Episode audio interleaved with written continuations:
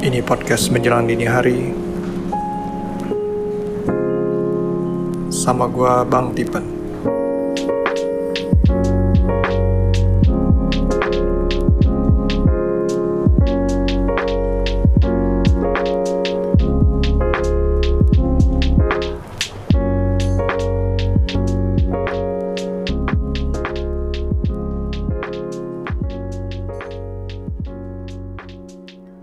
Hey, kembali lagi sama gua Bang Tipen di podcast menjelang dini hari.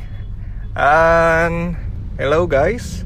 I hope you guys have a great weekend karena ini gua upload di hari Sabtu pas gue juga recording di hari yang sama. Ah, harusnya gua record lebih cepat dan di upload di hari biasa sih target gua antara Rabu dan Kamis ya. Biasa sih Kamis sih target gua. But you know, uh, live with toddlers. Dan kemarin ini gue nggak enak badan karena macet Jakarta gara-gara simulasi uh, penutupan 19 jalan tol pintu gerbang tol itu tuh gila bener-bener gila. Gue dari Tangerang menuju Jakarta itu uh, satu 45 menit. Udah sampai lewat jalan biasa ya. Tapi dari satu titik di daerah uh, Jakarta Barat di daerah Jelambar itu ke cuman jalan 500 meter aja itu dua setengah jam. That's freaking crazy. Gue udah kayak mau teriak-teriak. Dan akhirnya kebetulan gue sama bokap jadi gue kayak gue I need to get to that place. Jadi gue jalan kaki gue turun gue jalan kaki gue cek di Google di Google Map ya berapa kilo itu 2,8 kilo gue jalan kaki.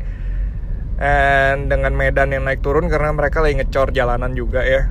Mereka ngecor jalanan dan gue harus berebutan jalan sama motor-motor yang pada ngambil trotoar buat uh, nyelak.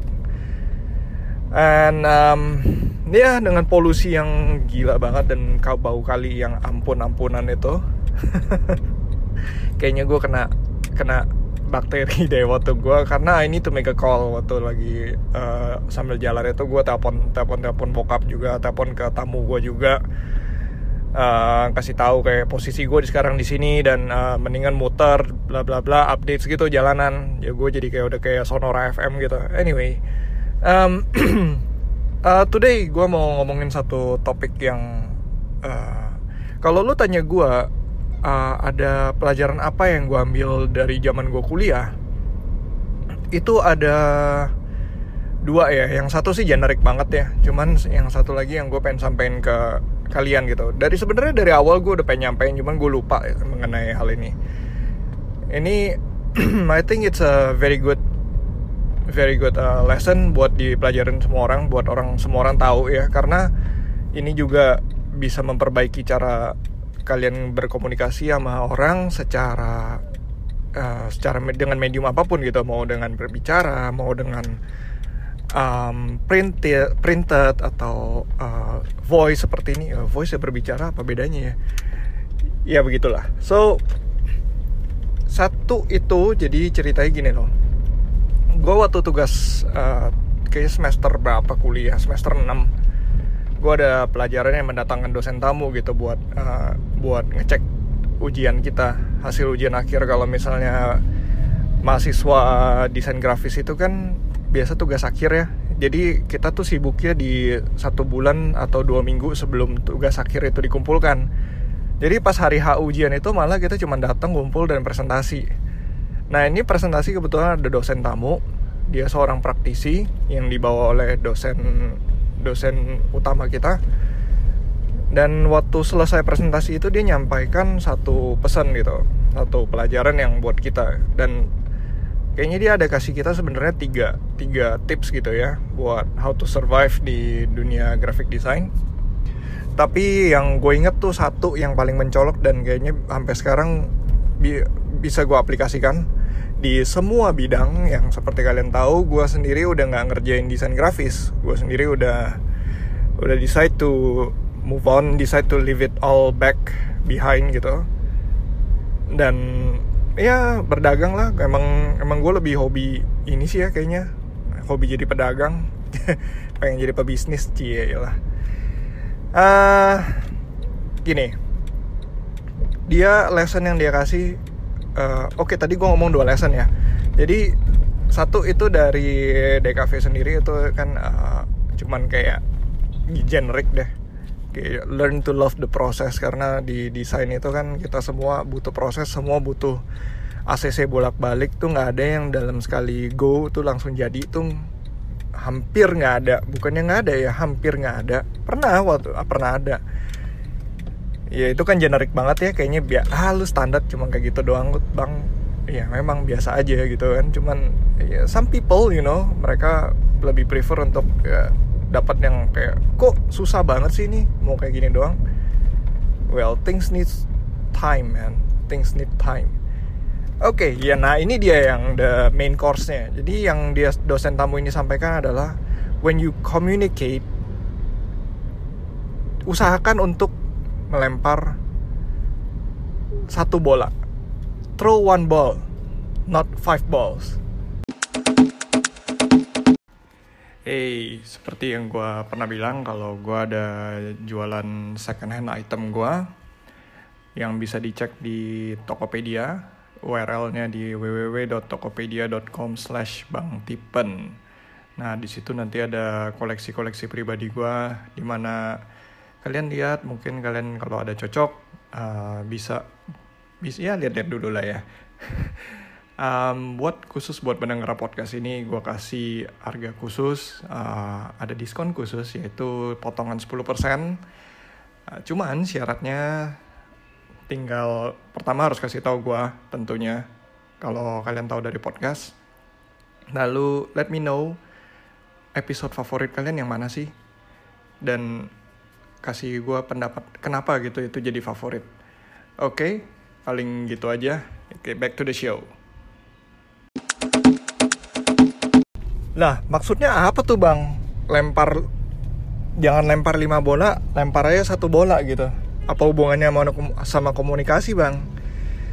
Jadi begini loh maksudnya dia menganalogikan bahwa komunikasi itu ibaratkan waktu kita uh, menyampaikan pesan itu ibarat kita lagi ngelempar bola sama audiens kita gitu. Nah audiens kita itu kan bisa uh, ramai bisa juga cuma satu orang itu tergantung ya. Makanya gue sebut itu audiens dan melempar lima bola itu akan menyulitkan orang-orang itu untuk menangkap lima bola. Coba kalau lu lempar lima bola basket langsung sekaligus. Atau lima bola tenis deh yang kecil-kecil. Uh, pingpong juga boleh gitu kan. Lu lempar aja lima lima sekaligus gitu. Paling yang ketangkep paling bisa juga tiga ya kan? Itu udah paling mentok tiga. Karena um, unless tangan lu kayaknya segede segede uh, Shaquille O'Neal kali ya baru bisa nangkep empat paling atau mungkin semuanya gitu ya. Cuman kalau misalnya tangan kita biasanya ya lu lempar paling mentok juga ambil tiga. Pasti ada sisa-sisa pesan yang akan terbuang.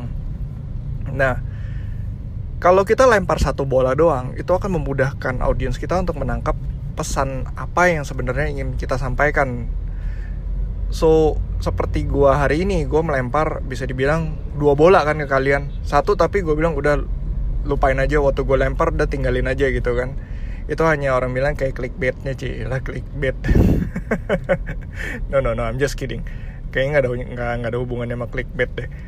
Cuman inti pesan yang pengen gue sampaikan adalah mengenai the uh, throw one ball not five balls itu. So pesan ini yang pengen gue sampaikan bola ini yang gue lempar ke kalian dan ini gue harap dengan satu bola ini kalian juga bisa dapat so itu the biggest lesson yang gue terima karena setiap kali misalnya gue ngedesain atau apa kadang-kadang kita tuh merasa pengen sangat konseptual gitu. Wah gila dengan logo yang kita sampaikan ter ada warna ini melambangkan ini warna apa dengan bentuk ini melambangkan itu.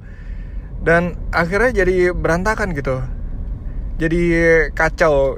Pesannya orang lain gak dapet loh. Kok bentuknya begini warnanya begini? Jadi pengen misalnya gambar uh, misalkan ya dengan gimana gue nyontoinnya ya. Oh gini. Paling sebenarnya paling gampang ngeliat itu dari iklan rokok ya. Jadi iklan rokok itu kan ada peraturannya nggak boleh menampilkan produk rokoknya sendiri yang uh, sebagai di placement gitu di iklannya. Nggak boleh ada produk placement jadi nggak boleh ada kelihatan orang pegang rokoknya nggak boleh kelihatan ada packagingnya. Apalagi sambil dipakai ngerokok gitu itu nggak boleh. So mereka harus menyampaikan pesan uh, brand mereka dengan tepat dan dengan istilahnya uh, bay bukan bayangan ya apa tampilan-tampilan memberikan kesan. Misalnya kayak Marlboro waktu zaman dulu itu kan oh boy gitu ya American banget gitu kan American macho. Uh, terus kalau sekarang kayaknya jarum tuh jarum ya? Jarum merah atau jarum super sih? Yang di mana nampilin kayak wis petualang petualang sejati. Dan kayaknya dia pergi mendaki gunung dan mukanya yang agak-agak bule gimana gitu kayak garis keras rahangnya keras uh, sedikit brewok sedikit nggak rapi tapi itu petualang keren sambil ngeliatin sunset gitu ya. Terus ada juga yang kayak star mouth yang lebih apa anak muda perkotaan metropolis gitu. Dan mereka harus selalu konsisten menyampaikan pesan itu. Itu yang maksudnya dengan throwing one ball. Jadi it, itu aja yang terus disampaikan dilempar itu terus satu satu satu aja. Mereka nggak menampilkan misalnya kayak uh, kayak misalnya si cowboynya tiba-tiba naik mobil gitu kan enggak. Cowboy itu kan naik kuda kan. Jadi pesan yang harus disampaikan semua harus konsisten uh, dalam satu paket. Mereka nggak menampilkan dengan misalnya si cowboynya pakai topi trucker gitu kan. Jadi eh, ini ini cowboy atau supir truk? gitu. Supir truk kok naiknya uh, naik ini naik apa naik kuda gitu kan. Kayaknya nggak nyambung gitu. Cuma ya tapi nggak nggak menutup kemungkinan seorang cowboy pakai supir truk kan in real life I mean uh, pakai topi trucker ya in real life ya nggak menutup kemungkinan uh, everybody can do that cuman ya waktu di pesan iklan mereka harus menyampaikan pesan yang lebih gampang untuk dicerna oleh audiensnya. Nah, di masa sekarang di mana personal branding itu makin lebih penting lagi, ini lebih jadi sangat kepake ya. Di mana kayak Instagram itu kan kayak kita membangun branding kita semua sekarang melalui Instagram ya. Uh, the hottest social media currently on the planet.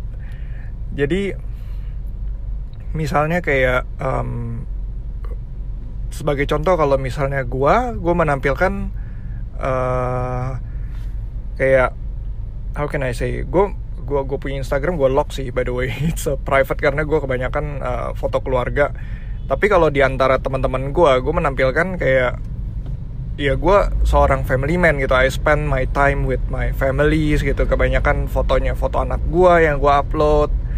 Tapi ada juga kan yang kayak influencer yang dia um, mungkin seorang traveler. Jadi yang difoto hanyalah masa-masa dia traveling. Dia nggak gitu banyak menampilkan uh, foto-foto uh, makanan gitu. Itu nggak. Ada yang foodies dia nampil uh, dia nampilin dia punya foto-foto makanan makanan mulu yang ditampilkan. Ya kadang-kadang ada foto dia tapi dia lagi gathering di restoran sama uh, teman-teman makannya dia. Terus ada juga mungkin seorang uh, seorang yang personal brandingnya seorang lifestyle apa ya sebutannya ya lifestyle influencer I don't know. Jadi yang ditampilin misalnya mereka uh, anggaplah ini orang suka gadget gitu. Kayak teman gue satu yang suka banget sama gadget yang ditampilin foto-foto gadget semua. Uh, foto gadget yang dia punya dan dia memang orangnya suka belanja gitu gadget dia beli dia jual dia beli dia jual. Dia cuman buat lihat-lihat abis itu dijual lagi sama dia. Oke, paling sampai sini dulu ya. Semoga tips ini juga bisa kalian pakai di uh, whatever project you guys have in dan uh, dalam kehidupan sehari-hari karena ini tips yang berguna buat gua so I just wanna share it with you guys. Hey podcast listener, thank you for listening and thank you for giving me your attention. Kalau mau reach gua bisa di Twitter @bangtipan atau di Instagram juga bisa di @podcastmdh.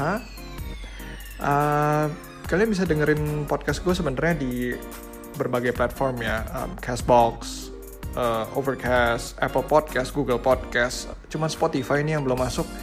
Uh, gue juga pindah ke pindah hosting ke Anchor, jadi harusnya sebentar lagi masuk ke Spotify. I'll let you know. Kalau menurut lu podcast gue itu menarik dan bisa di-share, tolong bantu gue untuk uh, menyebarluaskan podcast gue ini. Tolong di-share ke teman-teman dan keluarga. Uh, it will be very helpful. Dan selalu jangan lupa subscribe, uh, follow, tinggalin rating dan comments. Uh, kirim pesan apa aja, um, topik yang mau gue bahas, atau pertanyaan, atau kritik dan saran. Silakan kirim aja bisa ke email juga bisa. Oh ya email di menjelang dini hari at outlook.com. Oke, okay? atau di social media DM aja langsung. Alright, sekali lagi, thank you, bye bye.